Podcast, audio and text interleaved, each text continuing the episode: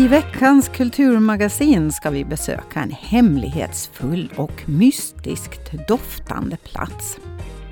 Och ta oss ner till rötterna av vår västerländska medicin en stund. Vi kryssar mellan torkade grodor och aspirin tillsammans med museipedagogen Hanna Leppälä. Dessutom blir det som vanligt ett plickeplock ur den gångna kulturveckan tillsammans med mig, Tua Åström. Välkomna!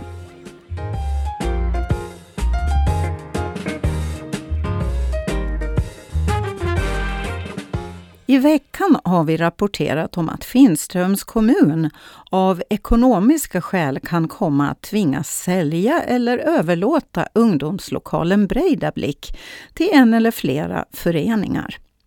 God morgon bjöd in ordföranden för Ålands ungdomsförbund, Zacharias Kalm, för att diskutera läget för ungdomsföreningarna på Åland. Ja, hur, hur ska man säga det? Jag, jag förstår ju helt och hållet hur man tänker med inbesparingar och sånt. Och det är ju inte faktiskt bara Finström som, som ligger i den här delen, om man säger ekonomiskt, kring Åland. Att det är ju jättemånga ungdomsföreningar runt omkring som har det tufft. Men eh, ser man det till, eh, till breda blick så har ju den varit under kommunens regi redan i många år kring uthyrningar och, och liknande. Att ser vi det så så kanske det kan vara en nytändning för lokalen om en förening eller en annan aktör kan ta över den festlokalen. Det kommer in nya krafter som tänker lite annorlunda, lite eh, nyare, försöker utveckla lokalen till, till en annorlunda festlokal eller liknande. Nå, nå, någonting sånt tänker jag. Vilken inverkan kommer det här ha på ungdomsföreningarna och ungdomslokalerna i stort på Åland? Jag skulle säga att det som blir mest drabbat så är ju just de här renoveringsbehoven på lokalerna, att hålla dem i, i skick. Jag skulle säga att så fort coronan försvinner så tror jag liksom att, att viljan finns att dra en verksamhet, att få in inkomster liksom på den biten. Men, men jag skulle säga att det som kommer bli mest drabbat är ju ännu mera förfallna lokaler, om vi säger så. Det är klart att det inte alls är bra att ett liksom kulturviktigt hus runt omkring på Åland försvinner, om vi säger så, eller förfaller. Det är ju otroligt fina hus som är byggda oftast med ideella krafter och, och de har ju ett, ett speciellt värde. Så det är klart att det är tråkigt om, om ett hus skulle förfalla bara för, för sådana saker om vi säger så. Men det är klart att det finns andra delar i det och det är ju till exempel verksamheten för ungdomar, midsommarfiranden, liknande saker som också blir drabbat. Men, men jag skulle säga att det som är värst om man säger liksom på huset är det absolut värst om, om det förfaller eftersom det har så pass mycket värde. Men hur är läget ute i föreningarna nu ett år in i pandemin? Eh, jag skulle säga att viljan verkar vara väldigt bra och många tror på att, att det här också kan vara en liten en ny start om vi säger så, just kring, kring uthyrningar och aktiv, eller den här liksom aktiviteten kring lokalen. Jag tror att det kan vara att det får en liten en liten nytändning och att folk vill eh, ja, stödja de lokala lite mera än att fara iväg till en, en restaurang och hyra lokalen på sitt bröllop, om vi säger så. Men det, då är det Breidablick du tänker? Jag tänker också Breidablick, men jag tänker allmänt också över hela Åland. Det sa Zacharias Kalm, ordförande i Ålands ungdomsförbund. Han intervjuades av Johan Ågren. Sex stycken nya konsthantverkare ställer just nu ut i galleriet på Torggatan. Josefina Jansson träffade Ålands slöjd och konsthantverks verksamhetsledare Hanna Wik Rosenqvist för att ta reda på mer om utställningen. Så det är nyare konsthantverkare som, som vi vill lyfta fram här nu, de som kanske inte är så etablerade ännu. Och eh, kanske också visa på att det finns yngre människor som, som satsar på både hantverksutbildning och, och en del som också bara, bara börjar själva liksom hantverka och är jätteduktiga. Så vi vill lyfta fram dem i den här utställningen. Mm. Här är både trä, möbelsnickare och, och så är det lite träsnideri också och svarvning, en hel del trä faktiskt. Men sen är det också keramik och, och textil och smide. Så det är sex stycken som ställer ut. Vad tror du om de här sex konsthantverkarnas framtid på Åland? Finns det framtid för konsthantverkare här? Ja, alltså det faktiskt har ju, har ju varit ganska bra för, för konsthantverkarna på Åland om man nu jämför med våra närregioner i alla fall. Att, det, att ålänningarna förstår att uppskatta konsthantverk och, och jag tror att också att det eller det är, är nog liksom, det, allt visar ju på att det liksom blir mer och mer uppskattat det man gör för, för hand. Att folk vill, vill lära sig och förstår att uppskatta när någon kan liksom göra. Man, man, man värderar det, det handgjorda högre nu än vad man gjorde för 15 år sedan kanske. Det sa Hanna Wik Rosenqvist. Och verken av Titti Söderström, Linda Myllykoski, Olivia Sarling, Robin Mattsson, Roger Pettersson och Felicia Lindbäck kan man se på galleriet månaden ut. I veckan höll ABF en diskussion om filmskapandet på Åland. I panelen satt bland andra Johan Karrento, Lukas Åsbacka och Andrea Björkholm. Anita Husell Karlström från Kulturbyrån var också på plats. Och det konstaterades att filmklimatet är gott på Åland, men att det nog finns en hel del att ta tag i.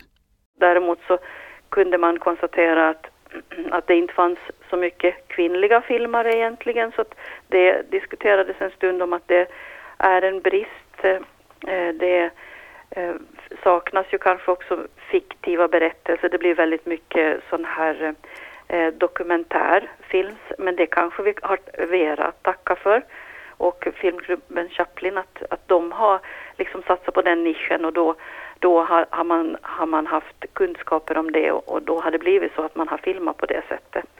Så att där pratades en del om att fiktiva berättelser på Åland gjorda av ålänningar och kanske till och med ur ett kvinnligt perspektiv skulle vara någonting nytt och, och engagerande. Och jag, jag, tycker från kulturdelegationens sida att det här, var, det här var väldigt spännande diskussioner eftersom vi har en par av de här deltagarna så de är också med i filmkommissionen som nu finns tillsammans med Titti Törnroth som gör ett fantastiskt jobb för att också marknadsföra Åland. Så man pratar också en del om det, att film är ju marknadsföring också. Men däremot så så den, den, stora biten av diskussionen den, den gick ju kring hur man skulle få unga in, mer intresserade av film och eh, vad som i så fall skulle behövas. Man framförde också att en filmtävling är någonting som både sporrar och lockar eh, i och med att man kan få en liten summa pengar kanske och man får också visa sitt alster på till exempel en fin biograf eller i Alandigas sal och, och det det nämnde flera av deltagarna att det, det, är någonting som har gjort att de har börjat med, med film. Det sa Anita Husell Karlström som intervjuades av Peter Grönholm. Valle Wahlsten gick långt, men inte hela vägen i sångtävlingen The Voice förra helgen. Fram till kvartsfinal tog han sig innan det var dags att säga tack och hej till juryn och alla som röstat på honom. Idag känns det ganska bra. Just då kändes det ju förstås, var ju jättebesviken under kvällen och kanske nästa dag men, eh, ja, men det la sig ganska snabbt. Ja, du har ju ändå kommit väldigt långt. Hur har det känts att vara med i den här tävlingen? Mm, det är otroligt roligt att vara med men också väldigt jobbigt mentalt för att det är ju en lång resa. Det här är ju inte någonting som man... Jag har ju hållit på med det här kanske fyra, fem, sex månader från att jag anmälde mig till den här tävlingen då så det är ju träningar hemma och hundratals mejl och bestämmelser och alltså det är, det är mycket runt omkring som man inte vet. Det är inte bara att gå upp och träna en låt och så sjunger man utan du kanske har fem, sex, sju, åtta låtar som du föreslår. Så du måste ju träna på alla de åtta låtarna och sen kanske du får en av de låtarna som du ska sjunga då. Så du har inte liksom full kontroll om vad du ska sjunga sånt, vilket ju också är såklart en orsak till att det inte styrs lite. Så det är ju det är liksom 100-150 människor runt omkring det hela tiden och se till att uh, du har allt du behöver och när du ska sjunga och går igenom. Ja men du vet, det är otroligt proffsigt och alla har varit otroligt bra och ödmjuka personer så det har varit, jag har fått många nya vänner. Det sa Valle Wahlsten. Reporter var Felix Kvarnström. I Vikingagården i Jomala öppnade under onsdagen utställningen Tillflykt. Konstnären Julia Norlander står bakom de fågelinspirerade motiven i akvarell och blandteknik. Ja, jag fick fundera en stund hur jag skulle plocka ihop det här. Jag tänkte lite vårtema. Och så blev det ganska mycket höns. Det känns lite vårligt.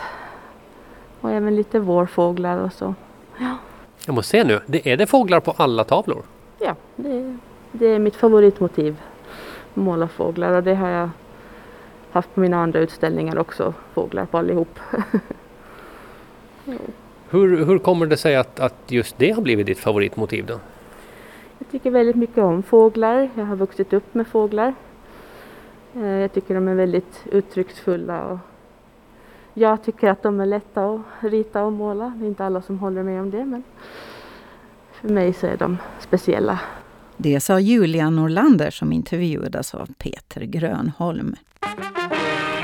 Och från en nyöppnad utställning går vi nu vidare till nysläppt musik. För i veckan släppte Overkligheten, bandet som tidigare var en duo, en ny låt. Gnistan heter den. Bandets frontman Magnus Axelsson berättar om varför det gått tre år sedan förra låtsläppet. Det har varit jättesvårt att eh, släppa de här låtarna för mig, alltså rent personligen. Jag har lagt ner liksom för, liksom för mycket tid på att eh, finslipa och gnugga på detaljer som jag tror ingen annan än jag själv skulle liksom lägga märke till när de, när de väl är klara nu liksom. Då, 2019, så då eh, var ju overkligheten mer än någonting annat en duo. Eh, och nu eh, håller det på och artar sig till att bli ett helt band. Hur kom det sig att, att det här liksom expanderar nu då? Det har varit som någon liksom naturlig process för att eh, kunna spela låtarna live eh, så har det ju behövts folk som är med och spelar för att det inte ska bara bli jag med gitarr eftersom Jocke Holm då, eh, min gamla eh, Eh, bandkompis från Norrköping. Han bor ju kvar i Norrköping då, där jag kommer ifrån från början. Då. Det har liksom successivt eh, växt fram att liksom vi blir ett band. Eh, så, så att det här är ju någon slags eh, överlappningsperiod med de här låtarna som släpps nu eftersom jag har dragit ut på den processen så himla länge. För vi har ju spelat två somrar eh, tillsammans med liksom, den här sättningen så att säga. Så nu har vi redan börjat med nya låtar och nya inspelningar som är på gång som då kommer bli verkligen som ett band som vi släpper. Jag tänker på det Magnus, om man, om man följer det åländska eh, musiklivet så är det ju, det är ju mycket rotation på, på personalen så att säga. Man känner igen de flesta. Men om jag tittar på den här sammansättningen då, alltså Arn-Henrik Blomqvist är ju allom bekant men kanske allt, framförallt när det gäller teater medan Stefan Gustafsson och eh, Arissa då är är ju inte alls liksom, eh, vad ska vi säga, hushållsnamn som det heter på engelska. Eh, Var, hur, var hittar du det här gänget? Eh, ja, alltså hur jag kom in i det här gänget är ju via Stefan Gustafsson då och eh, eh, öppna förskolan. vi, vi var med våra små barn där och hängde och barnen fick leka och sen på något sätt så kom vi in och pratade om att vi båda spelade musik. Han har ju liksom spelat i band hela livet i olika konstellationer, i, mest i Sverige då. Och eh, så frågade han om jag ville hänga med och spela och då spelade han redan med Arn Henrik eh, i, i det här bandet Octopixie då, som vi hade innan Overkligheten. Eh, så, så på den vägen är det. Overkligheten och nya låten Gnistan hörde vi en kort snutt av där. Peter Grönholm intervjuade Magnus Axelsson. Och nu över till någonting helt annat. Vi ska nämligen sniffa på historia. Bokstavligen.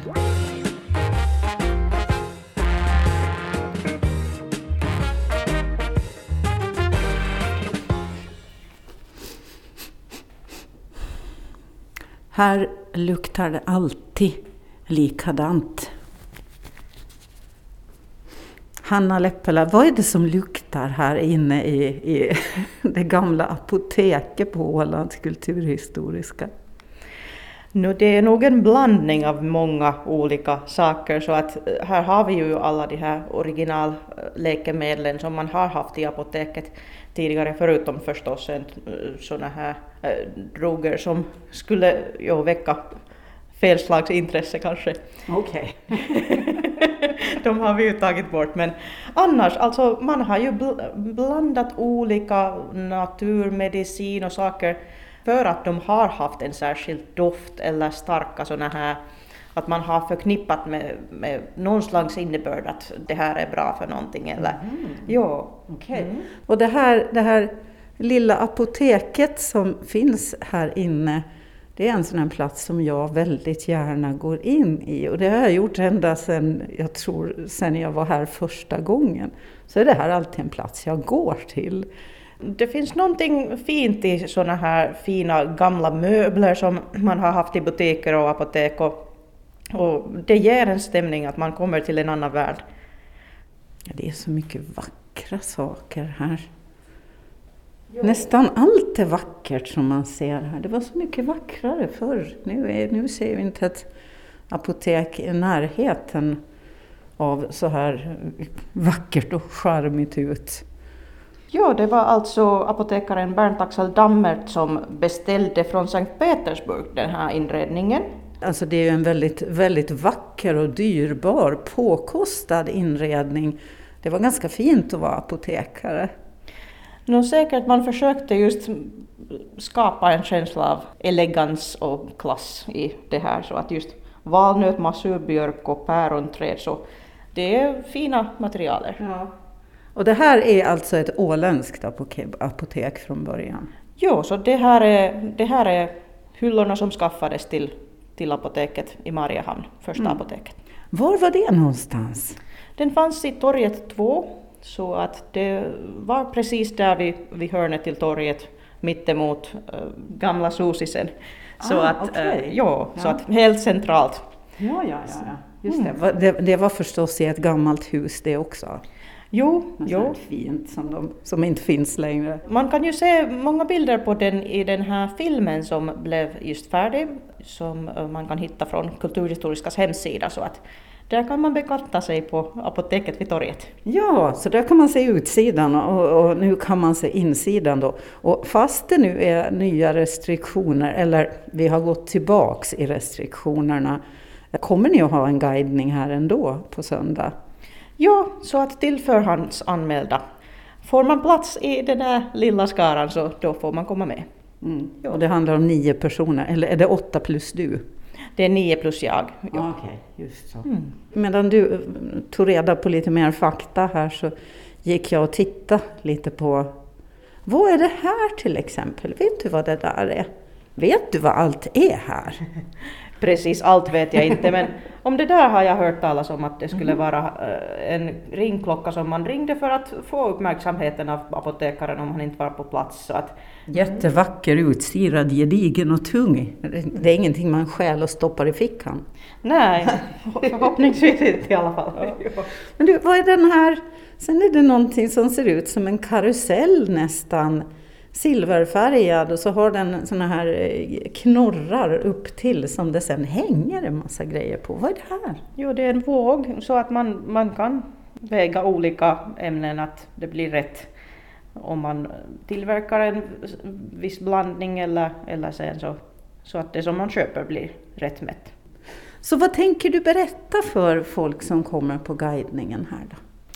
Jo, nå, för mig, det som började intressera mig, eh, kanske inte i just alla detaljer i det här apoteket, utan hela det här hur det har utvecklats. Vi har haft eh, folkmedicin på Åland, det har funnits sådana här kloka gummor, och just den här att var, var i historien har det har det utvecklats till att vi har sådana här officiella apotek. Nu för tiden är det ju väldigt reglerat vem får hela en annan människa och på, med vilka konster.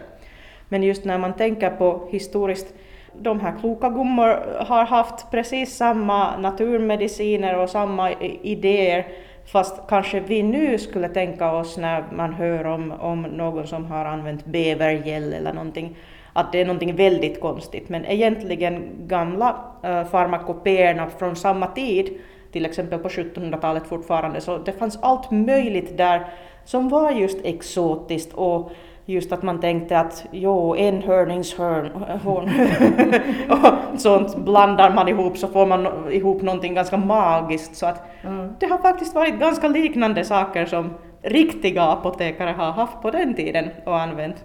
Mm. Så att det är djupa rötter till sådana här saker. Mm. När, när alltså gick det från klok gumma till apotek då? Nå, just på 1700-talet har det blivit mer just tydligt att nu ska vi utbilda eh, läkare och apotekare och på sen 1700-talet har vi fått också första eh, apoteksskåpet till Åland. Så småningom har det där eh, förändringen skett sen. Mm. Vad är det här för någonting? En stor flaska med någonting i. Här står det omskakas, så är ett fint veckat papper runt korken. Vad är det här då? Pengavar Jambi användes vid de första operationerna på 1800-talet för att stilla blod. Det är alltså trädliknande ormbunkar från Kina, Japan, Sumatra och Java. Och så finns det drakblod också, fast det var väl inte knappast drakar det handlade om. Man skulle kunna tillbringa hela dagen här. Ja, och just att ja, från äldsta tider har vi, vi har lite blandat. Just majoriteten som vi ser här är från det där uh, apoteket i Mariehamn i början av 1900-talet men uh, Samtidigt så finns det ett riktigt gammalt skåp som har sen de äldsta burkarna som vi har här så att de är just sådana som sen fanns i apoteket, burkarna alltså fanns i apoteket i Skarpans. Så att just i Bomarsund när man växt, växte det där området så där fanns militärsjukhuset som hade sitt eget äh, litet apotek och sen så blev det en filial till Godbyapoteket. Äh, I Godby har man haft det här skåpet sen från 1839. Det ser ut som vilket skafferi som helst men jag antar att innehållet är inte riktigt det man hittar i ett vanligt apotek, eller ett, inte ett vanligt skafferi. Jo, det, det kanske just berättar om det att då har man inte tänkt ännu att de här burkarna borde se ut på något visst sätt så att det har varit sen en del av det här att det har gjorts lockande till kunden i senare apotek när man har haft fina burkar och fina etiketter som också berättar från vilket apotek man har köpt det här. Ja, ja förstås. Ja. För att det där tänker jag, det här, i det här skåpet nu så ser man ju, det här är nästan så att det här är, ska användas av den som ska behandla någon som vet exakt att men nu tar jag från den här burken och ger åt den människan. Jo, helt ja, säkert så. Ja. Sen har du också ett skeppsapotek från segelfartyg. Det var, det var också en diger låda. Ja, ja, så att när man är ute på sjöss så då kan man ju inte springa till närmaste apotek så lätt Nej. så att då måste man ha en sån här kista med som har det som man kan behöva plötsligt. Mm. Så att, så du, vet du alls vad som ungefär ingick i ett skeppsapotek? Nå, förstås olika saker på olika tider. Där står det till exempel salvarsan som, som har varit någonting man har använt mot uh, syfilis vid något skede så att jag vet inte om det har varit någonting Aj, ja. man använde den till. Sjömansliv. ja, sen ser man faktiskt morfin och, och sen helt enkelt saker mot hosta och pastiller mm. och eh, sådana här vanliga saker. Mm. Vad är det där? Jag gick förbi en flaska här. Står det utvärtes eller invärtes? Mina ögon håller inte. En stor den flaska. Stora, ja. Den stora säger ju nog jag utvärtes. Vad tror du det är? Ser du vad det står? Uh, Guassi och sprit, tror jag att. Jaha. Så det är nog spännande. Mm, någonting som man smörjer på. Det är ju också lite spännande skillnad mellan de här olika sidorna här. Mm. Att vi ser på andra sidan ser vi väldigt mycket med fina färger, man ser liksom genom glasflaskan alla de här fina färgerna och etiketterna är lite sådär finare. Eh, och det här är ju den delen som kunden såg i apoteket. Men sen den här andra sidan med mm. hyllan. Det här är verkstaden. Det här är verkstaden. Där alltså. har man sen ah. apotekaren och, och de har arbetat med de här burkarna. Ja, så så de det- har inte behövt se lika fina ut. Nej, nej, så där, och där står det C på de skåpen och B på de här skåpen. Och det är för att du ska veta att ja, men det är B-skåpet på, Säkert, på hylla ja. nummer två där. Ja, ja helt säkert. Ja, Ja, och det, här är, det här är nästan lika fint utställt som en eh, finare parfymbutik. Absolut, Ja. ja. Mm. Men, men alltså det här nu då, om vi tänker våra moderna apotek. Eh, var, varför blev det så?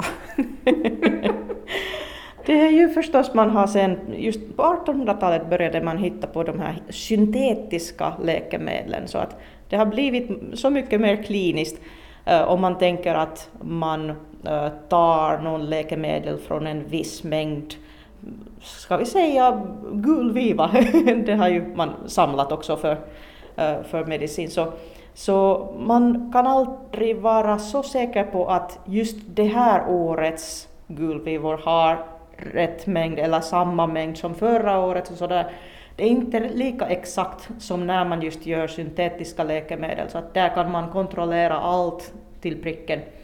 Så att helt säkert är det på grund av att det skulle bli mer säkert för oss och tryggt att använda de där läkemedlen i, i rätt mått. Men, men, men visst finns det många som eh, fortfarande studerar naturmediciner också och eh, mycket av det som finns här och som har använt, använts i tusentals år. Och naturen har sina skatter.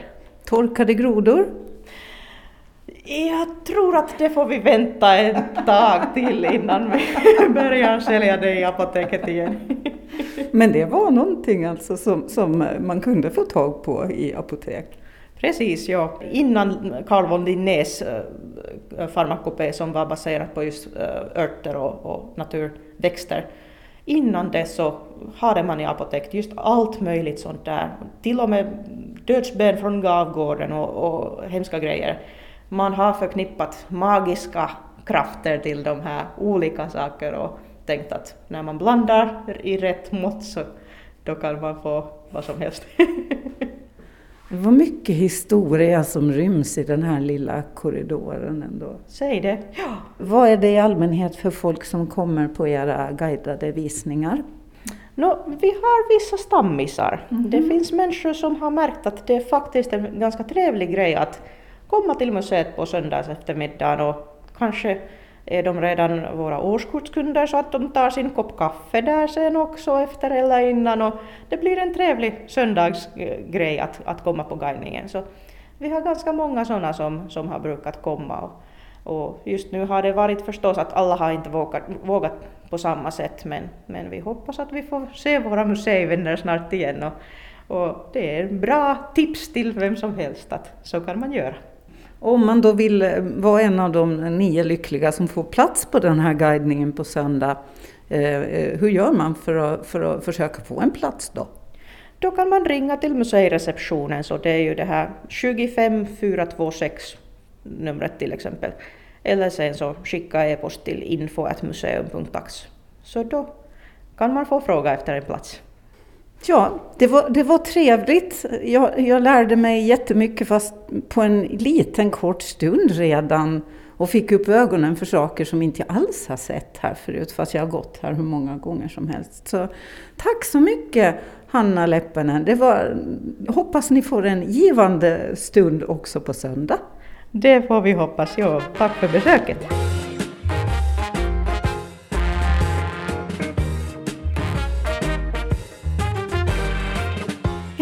Trevligt söndagsprogram, men det är alltså förbokning som gäller. Och Hanna Leppälä är alltså museiguide och ingenting annat om jag ska råka säga något sånt. Kulturmagasinet är tillbaka nästa vecka, precis som vanligt, samma tid, samma kanal. Ha nu en riktigt skön helg.